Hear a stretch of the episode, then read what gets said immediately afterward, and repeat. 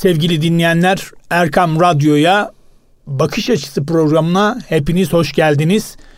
Geçtiğimiz hafta Enegram'la ailede diyaloğu konuşmuştuk İsmail Acarkan hocamızla beraber. Bu hafta tekrar kendilerini ağırlıyoruz.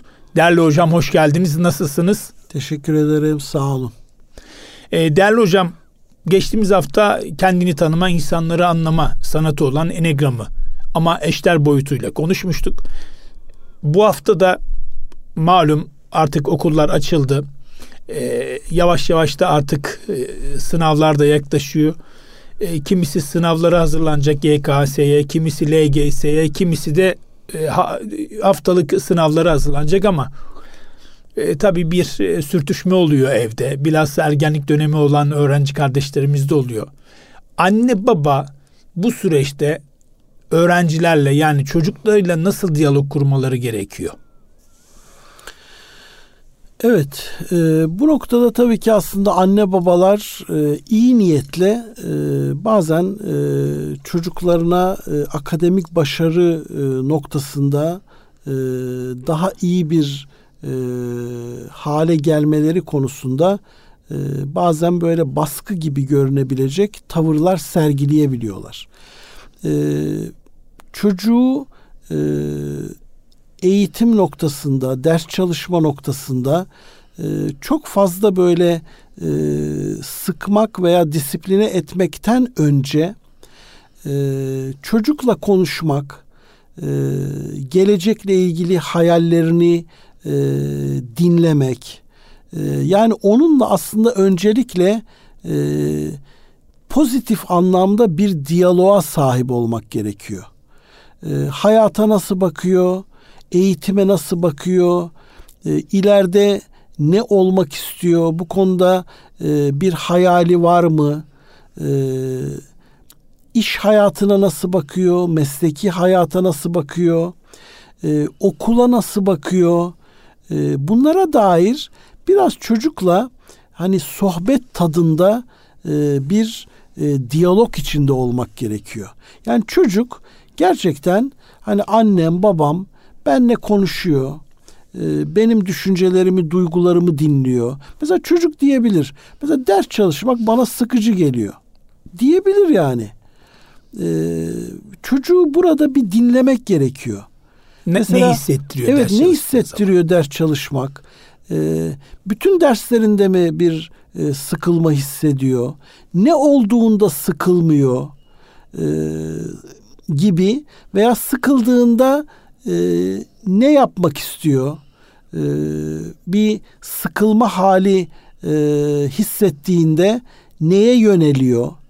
E, bunları böyle hani suçlamadan, e, kızmadan, e, yargılamadan bir dinlemek gerekiyor. Yani bir nevi e, bir e, doktorun e, hastasını anlamak noktasında hani bir e, röntgen filmi çekmesi gibi, bir kan tahlili yapması gibi.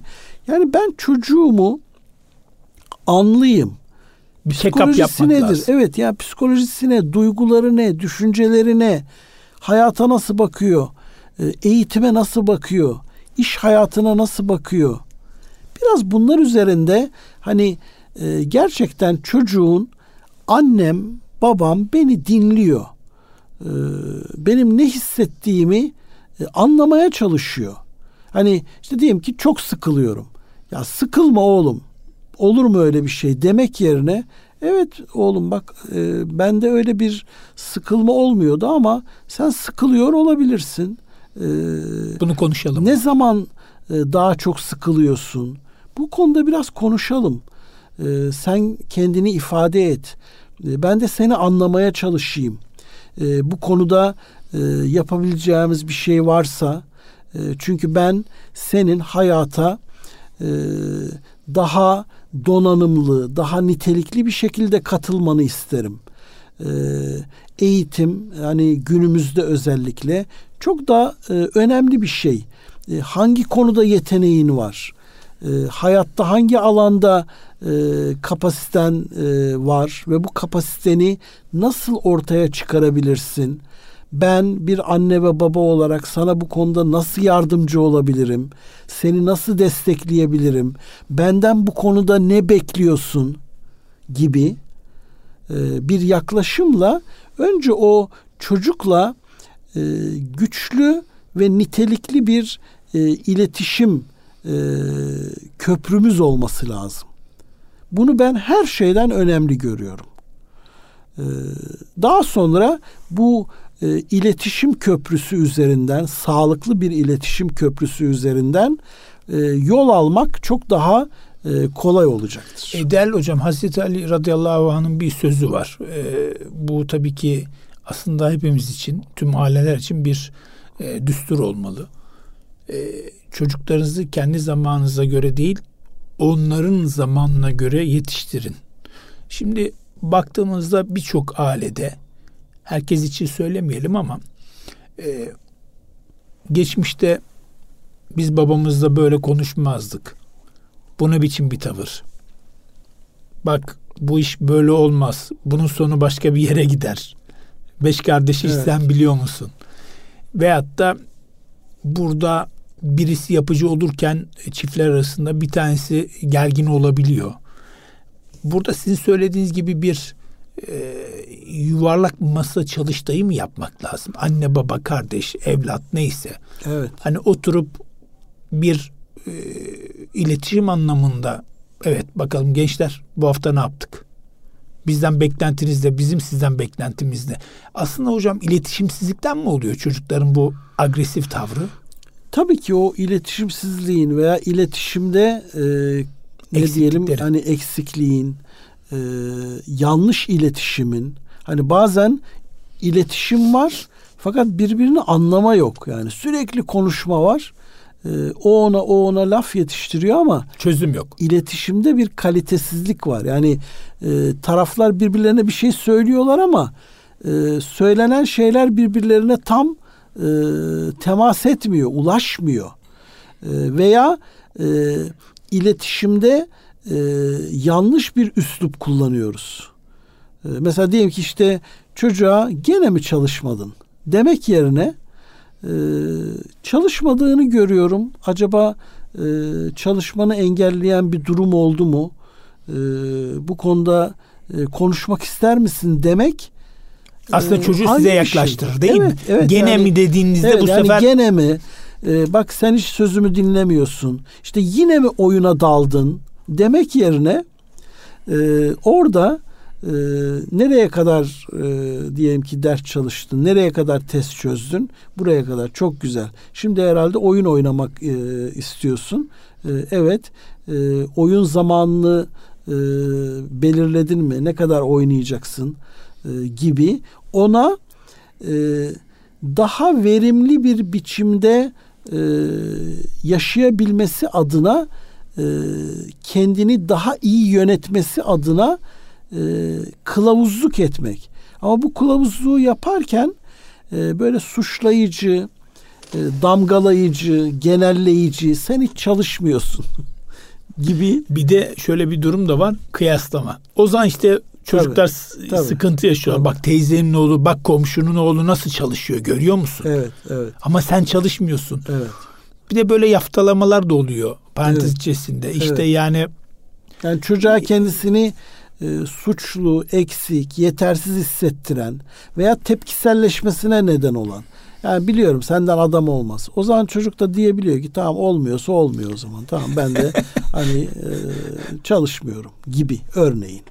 Veya işte senden adam olmaz. Çocuk da e, herhalde diyor annem babam benden daha iyi biliyor. Demek ki ben e, adam yapamam. Olamam. Ben adam olmam. Bir de şöyle bir enteresan bir e, şey de görüyorum öğrencilerde. Mesela anne baba diyor ki çok hassas bir dönemden geçiyorsun. LGS, lise sınavına hazırlanacaksın. Bu 8 ay, 9 ay, 10 ay neyse. Süper çalış. Ondan sonra ne yapıyorsan yap diyor. Çocuk harika çalışıyor. En iyi liseyi kazanıyor hocam.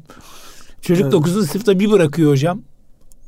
Hocam ne zorluklarla sınavlar geçiliyor. Çünkü çocuğa anne baba diyor ki bu sınavdan sonra ne yapmak istiyorsan yap. Çocuk 12. sınıfa hiçbir şey yapmıyor hocam. Evet, evet. Aslında öyle bir yanlış bir iletişim de var değil tabii, mi? Tabii yani. E, bu sefer çocuk dersi bırakıyor başka şeylerle uğraşıyor. Tabii yani böyle ölçüsüz gerçeklikten e, kopuk bazı yorumlar veya tavsiyelerde de bulunabiliyoruz. Buna dikkat etmek gerekiyor. E, aslında en önemli şey e, çocuklarımıza herhangi bir durumda ne hissettiklerini sormak. Yani diyelim ki ders çalışmıyor. E, ders çalışmanı engelleyen nedir? E, ders çalışma noktasında e, seni e, motive e, edebilecek şey nedir? Motivasyonunu düşüren nedir? Ne olduğunda canın ders çalışmak istemiyor gibi anlatabildim. Yani orada gerçekten hani çocuğun kendisini ne hissettiğini ifade etmesine e, açık olmamız gerekiyor ve bizim bunu teşvik etmemiz gerekiyor. Yani çocuk bizimle konuşsun. İşte yapamıyorum, yapamayınca kendimi kötü hissediyorum. Mesela çocuk bunu söylesin yani. Orada da ha bak evet bak insan yapamayınca e, bir soruyu çözemediğinde veya çalıştığı halde unuttuğunda acaba ben yetersiz miyim, beceriksiz miyim, ben yapamaz e, biri miyim diye aklına gelebilir. Bak benim de öğrencilik dönemimde zaman zaman böyle şeyler oldu. Ama bu durumun e, çözümleri var. E, bir şeyi daha çok aklında tutabilmenin bazı yöntemleri var, bazı yolları var. Veya e, bazı kişiler bir şeyi e, bir okumayla e, hafızasına kaydederken bir başkası iki üç defa e, aralıklı bir şekilde okuduğunda hafızasına yerleştirebilir. İnsanlar bu konuda farklı farklıdırlar. E, hayat bir gelişim sürecidir. Eğitim, bilgi bir süreçtir. Yani ne demek? Yani nasıl ki bir çocuk e, doğar doğmaz yürüyemiyor ama yürüyebilme becerisi var. Veya ama zamana e, da ihtiyacı aynen, var. Aynen. E, doğar doğmaz konuşamıyoruz ama konuşabilme becerisiyle doğuyoruz. Biraz mesela çocuklara bu gibi örneklerle çünkü bazı çocuklarda şu oluyor. Diyelim ki matematiği çözmeye çalışıyor, çözemiyor hemen bir ön yargı oluşturuyor. Ben matematikten anlamam. Benim kafam matematiğe çalışmıyor. Ve işte edebiyat bana çok ağır geliyor. Ağır geliyor gibi hemen e, o gelişim sürecini fark etmeyen e, hani ya yapabiliyorum ya da yapamıyorum gibi yani e, aşırı genelleme, siyah beyaz düşünmekten kaynaklanan yanlış yargılarda bulunabiliyorlar. Onlara e, öğrenmenin, bilgilenmenin, bilgi ve beceri kazanmanın bir süreç olduğunu, bazı kişilerin bu sürecinin çok daha hızlı olduğunu, bazılarının yavaş olduğunu, her birimizin de bu konuda farklı olduğumuzu yani hepimizde Allahu Teala Azze Hazretleri'nin vermiş olduğu bir yetenek var ama o yeteneği keşfetme e, dalları, yolları farklı olabilir. Değişebiliyor tabii. Mesela bazı çocuğun ezberi çok güçlüdür. Ee, öbür çocuğun ezberi güçlü değildir ama analiz yeteneği orada çok daha öne çıkmıştır. Dolayısıyla orada e, çocuk nereye takılıyor? Mesela ders çalışma motivasyonunu e, azaltan şeyler ne? Hangi ön yargılar, hangi yanlış düşünceleri, kendiyle ilgili hangi e, yorumları e, motivasyonunu düşürüyor. Mesela diyelim ki ya işte arkadaşım e, iki saat çalışarak e, o konuyu anlıyor ama ben anlamıyorum. Demek ben ki burada... aptalım. Ben e, bir şey e, yapamıyorum. Yanlış bir çalışma organizasyonu var o zaman. Gibi veya e, dediğimiz gibi bazen hani anne baba e, kıyaslaması bir yana bazen de çocuk kendini e, diğer arkadaşlarıyla kıyaslayabiliyor. E, orada da çocuğa bak kendini başkalarıyla kıyaslamana gerek yok. E, başkalarının e, olumlu yönlerini, e, gayretlerini, yöntemlerini e, edinebilirsin, e, örnek alabilirsin ama kimseyle yarışmana gerek yok. Kendini herhangi biriyle kıyaslamana gerek yok. E, her insan e, biriciktir. Her birimizin kendimize göre yetenekleri, becerileri vardır. Bu konuda farklılıklarımız vardır. Sen sadece kapasiteni e, ortaya çıkarmaya çalış. Kimseyle kendini kıyaslama. Ben de seni kimseyle kıyaslamıyorum. Ben sadece senin potansiyelini ortaya çıkarmanı e, sana tavsiye ediyorum. Ve bunu senin için tavsiye ediyorum. Yani e, çocuklarımızı kendi e, komplekslerimizi e, çözmek için, kendi yapamadıklarımızı e, onların üzerinden e, yapmak için yapmak için e, motive etmemeliyiz. Tabii benim öğrenciler... çocuğum böyle olamaz. Sen nasıl benim çocuğumsun gibi değil de bak ben sende bir kapasite görüyorum. Aslında senin güçlü bir kapasiten var. Ama böyle biraz canın sıkılınca hemen orada vazgeçme tuzağına düşüyorsun.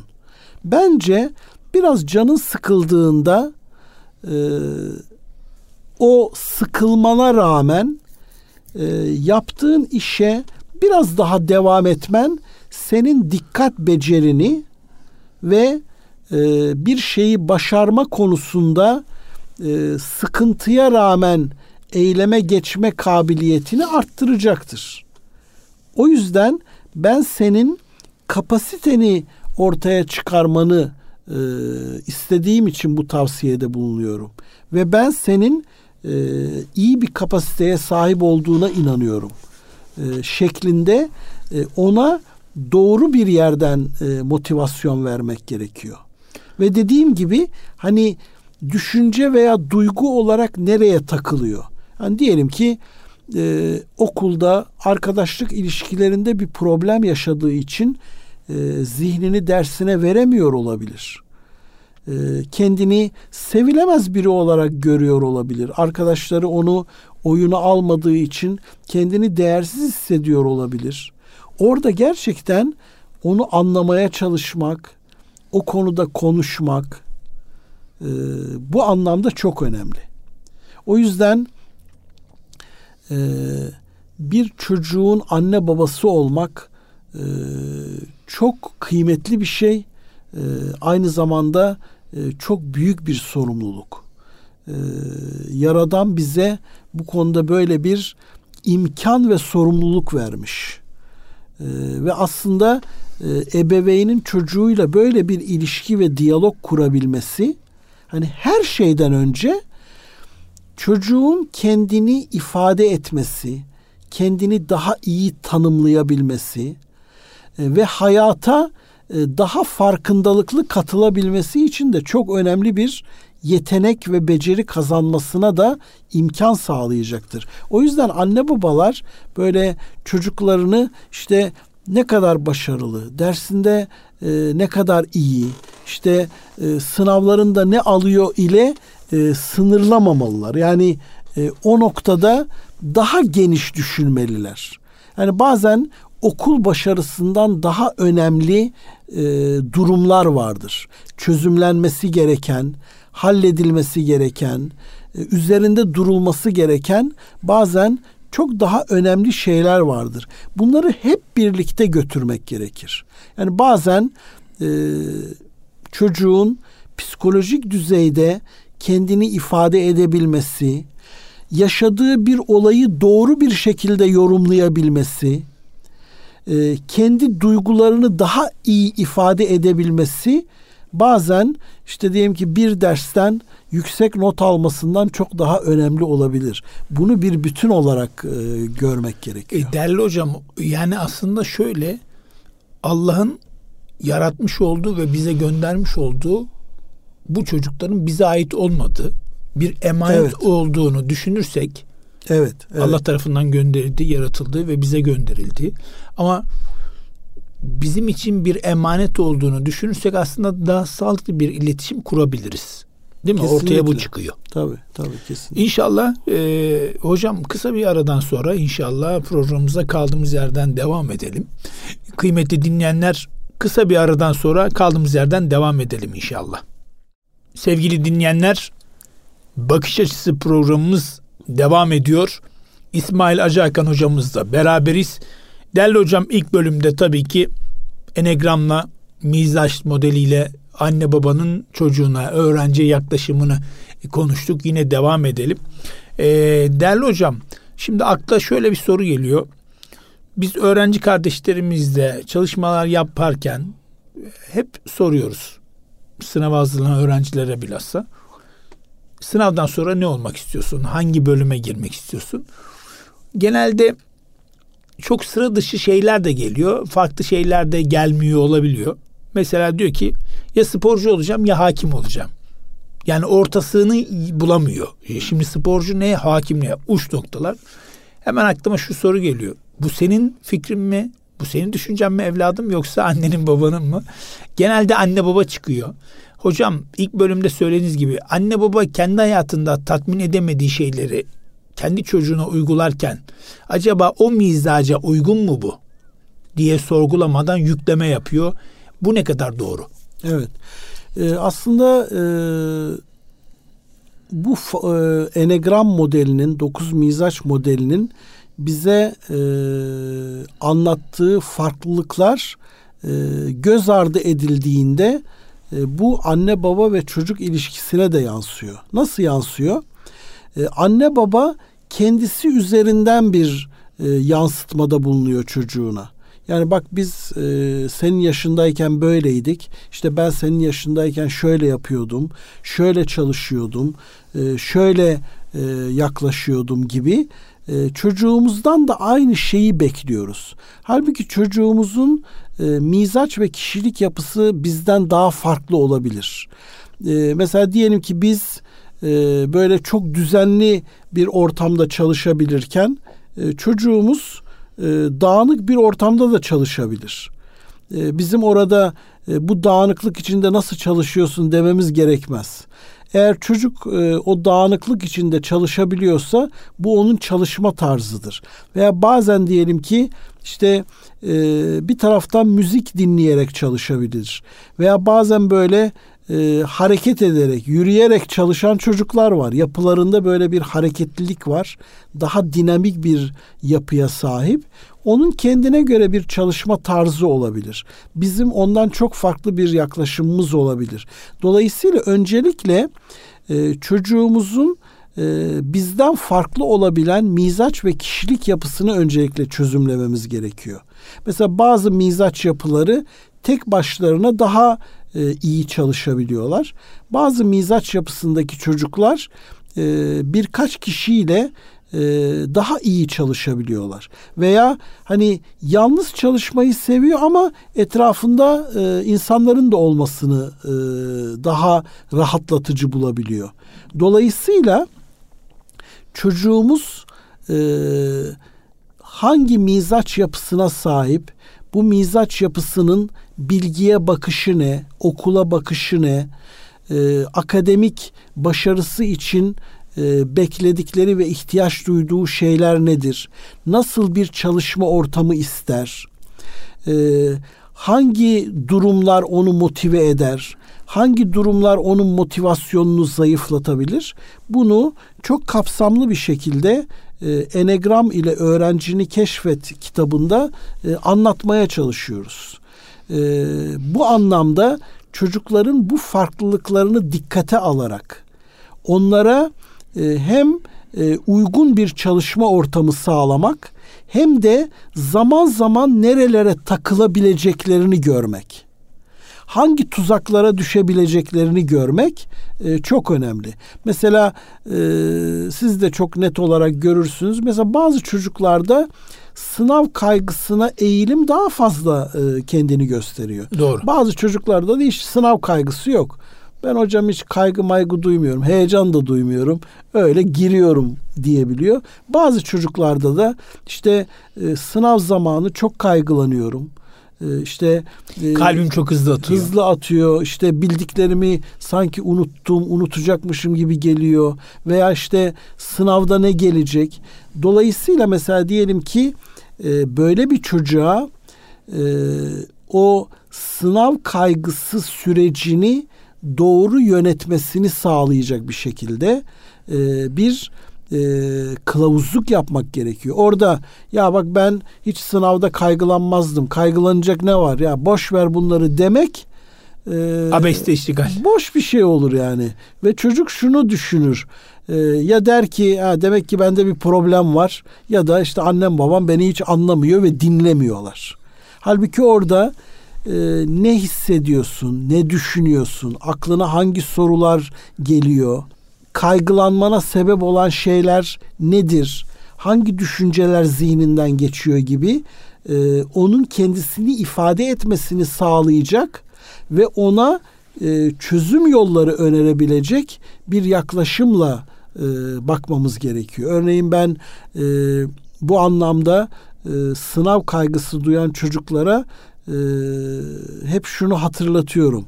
E, şimdi ve burada olmak senin o kaygını büyük oranda giderecektir. Ama bak zihnin ne yapıyor?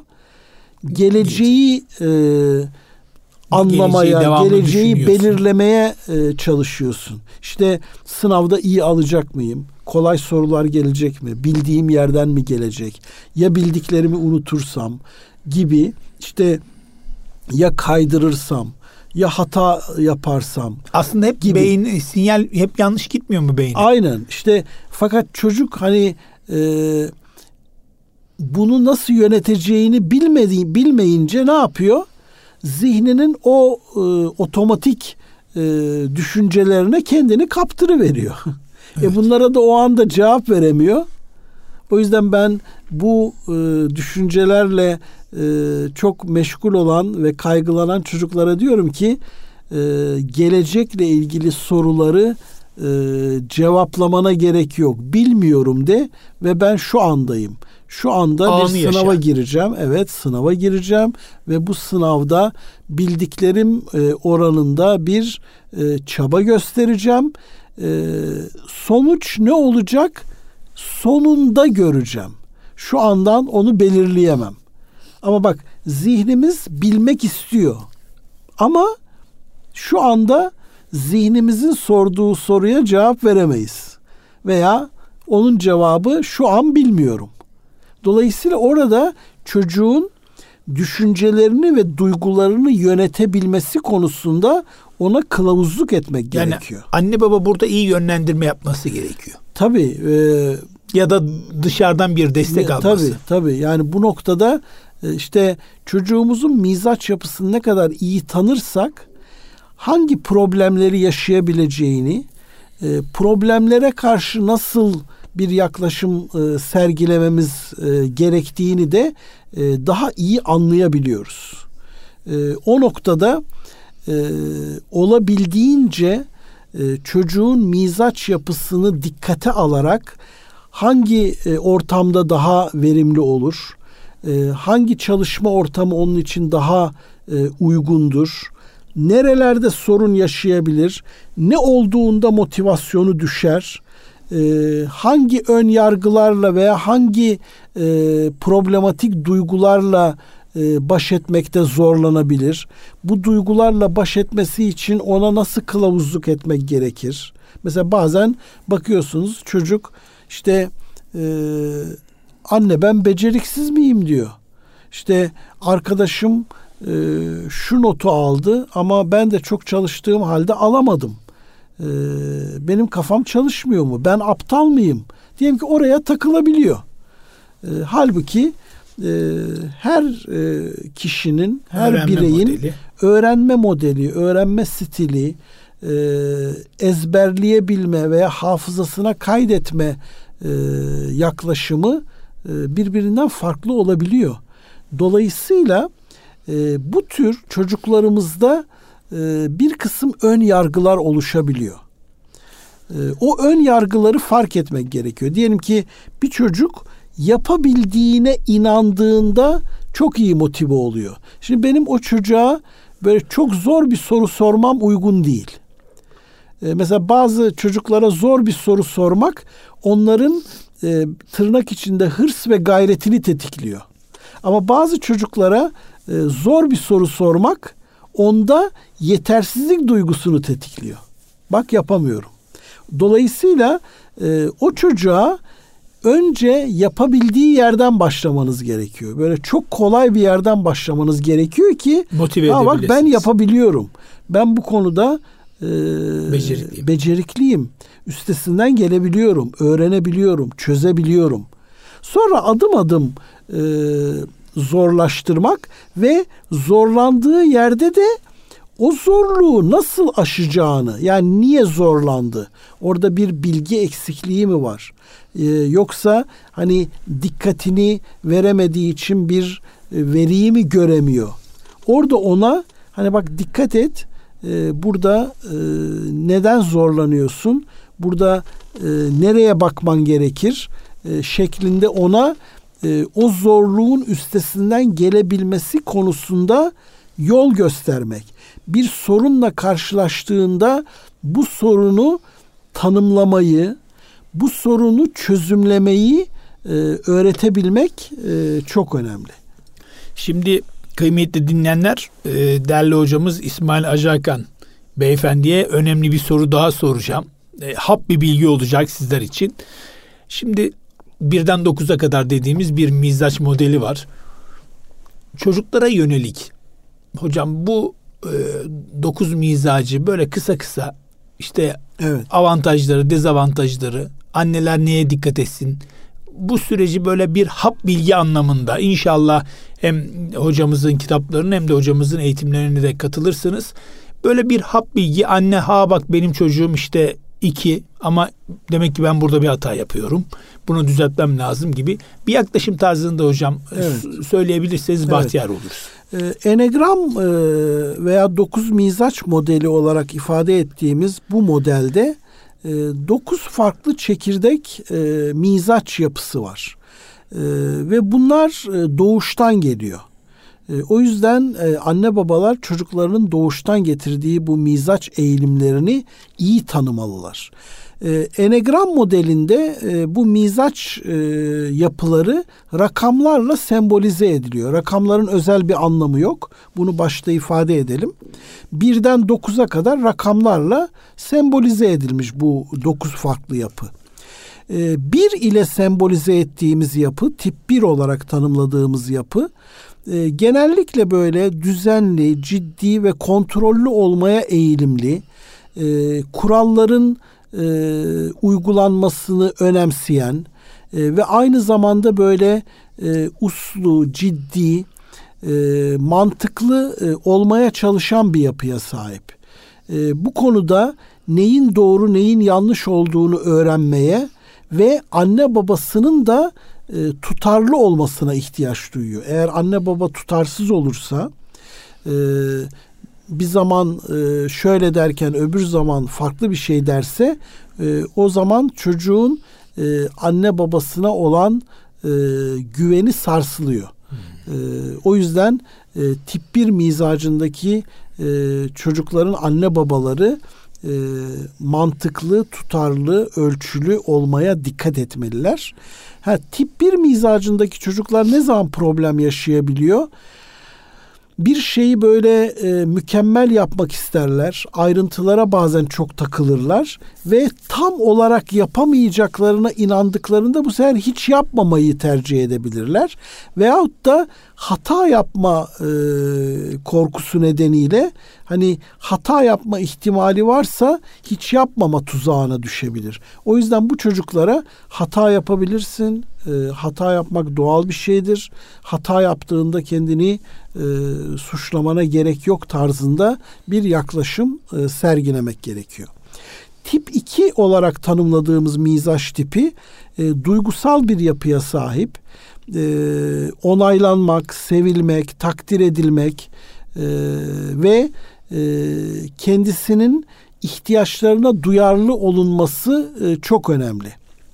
Bu noktada e, konuşmayı seven, konuşkan, duygularını ifade etmeyi seven ve duygusal geri bildirim bekleyen bir e, yapıdalar. Mesela işte anne seni çok seviyorum, sen de beni seviyor musun?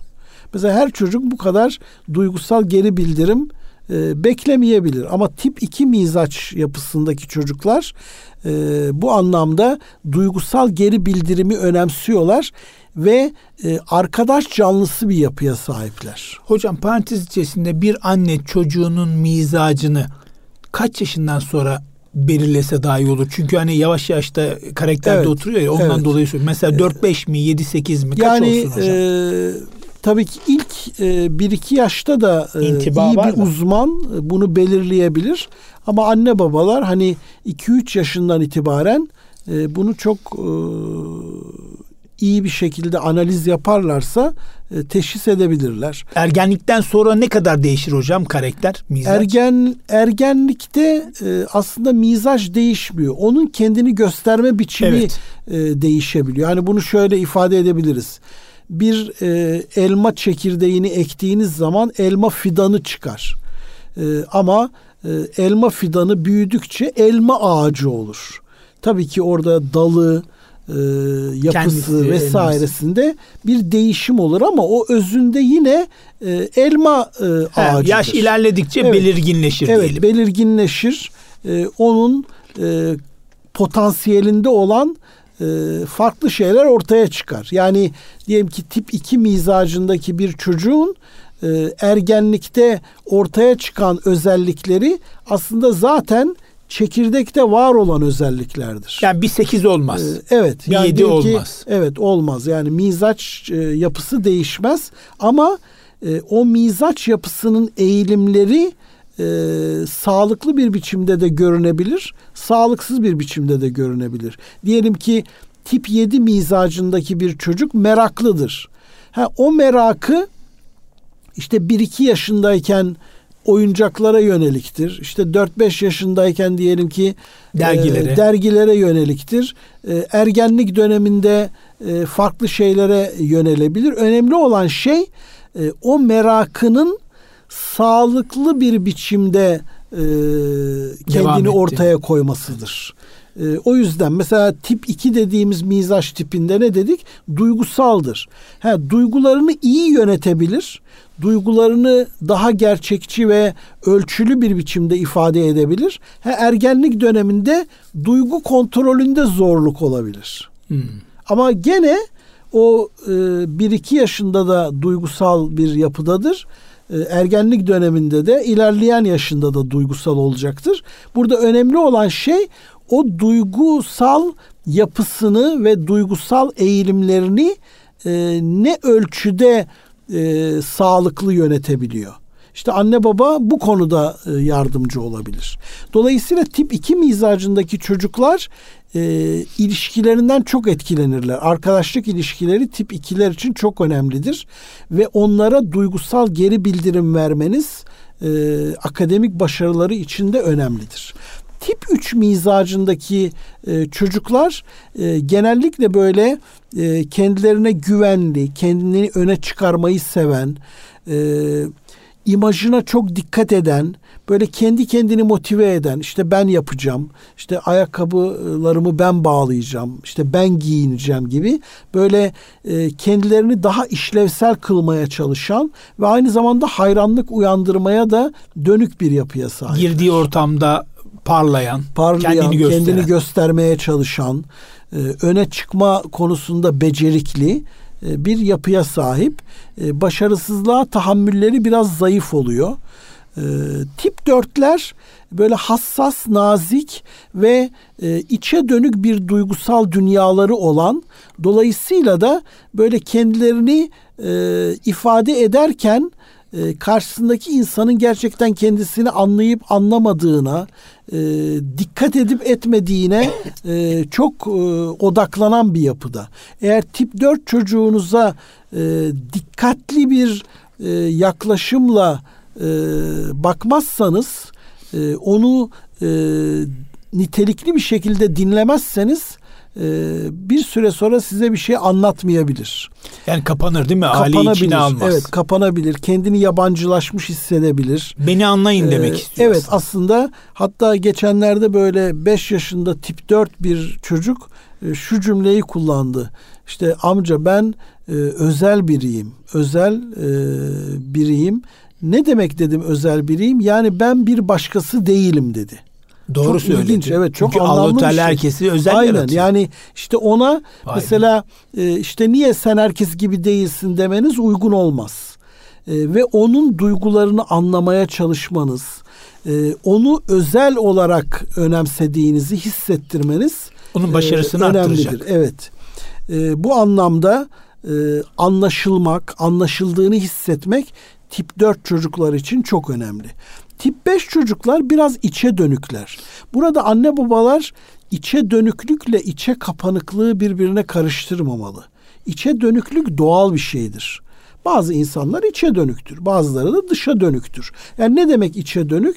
Yani kendi kendiyle daha çok vakit geçirmeyi seven, Kendi iç dünyasıyla. kendi iç dünyasıyla e, meşgul olmaktan hoşlanan. Bunlar daha çok kitap okumayı seven değil mi kurmayan. hocam? Mesela kitap okumayı sever, böyle bir şey üzerinde kafa yormayı sevebilir. yapmayı sever. Resim yapmayı veya böyle bir aleti e, sökmeyi, incelemeyi, e, onu böyle dikkatli bir şekilde anlamayı, çözmeyi seven, e, bir şeyi anlamaya, araştırmaya çalışan, iyi gözlem yapabilen e, bir yapıdadırlar.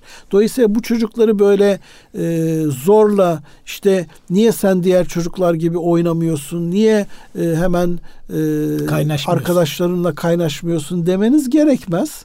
Orada onu e, ölçülü biçimde teşvik etmeniz ve onun o öğrenme, anlama e, eğilimine e, destek olmanız. Mesela sordukları sorulara sabırla ve e, olabildiğince yaşına uygun e, bir şekilde tatmin edici cevap vermeniz e, çok önemlidir. Diğer tabii tiplerde e, şeyler, meslekler tabii ki mevcut.